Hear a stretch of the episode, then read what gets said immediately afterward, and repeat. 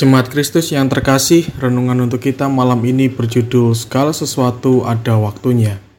Dan bacaan kita diambil dari Matius pasal 9 ayat 14 sampai 17. Demikianlah firman Tuhan.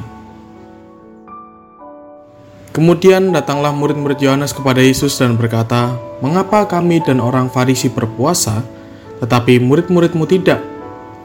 Jawab Yesus kepada mereka, Dapatkah sahabat-sahabat mempelai laki-laki berjuka cita selama mempelai itu bersama mereka?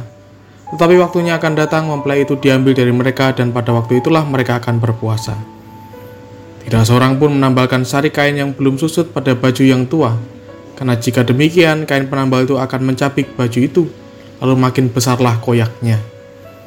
Begitu pula anggur yang baru tidak diisikan ke dalam kantong kulit yang tua, karena jika demikian, kantong itu akan koyak sehingga anggur itu terbuang dan kantong itu pun hancur.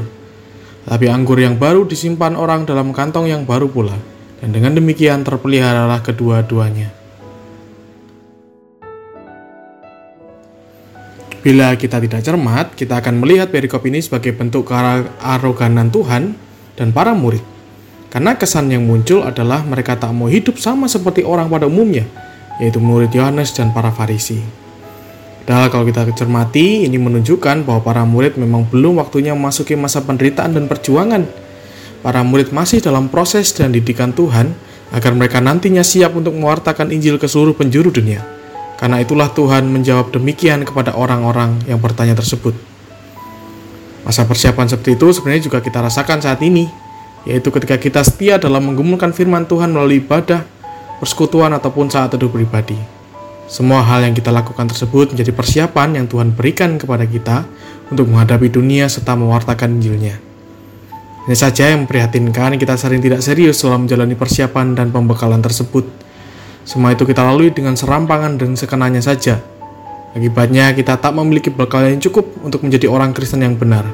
Kita mudah sekali terombang ambing dengan rupa-rupa hal di dunia ini dan pada akhirnya kita sama sekali tak mewartakan kabar baik Allah. Oleh karena itu harusnya itu semua kita jalani dengan seimbang. Keduanya kita kerjakan dengan kesungguhan hati.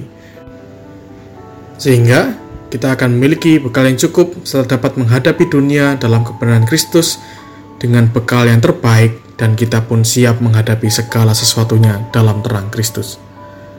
Semua ada waktunya masing-masing. Oleh karena itu, kerjakan semuanya itu dengan baik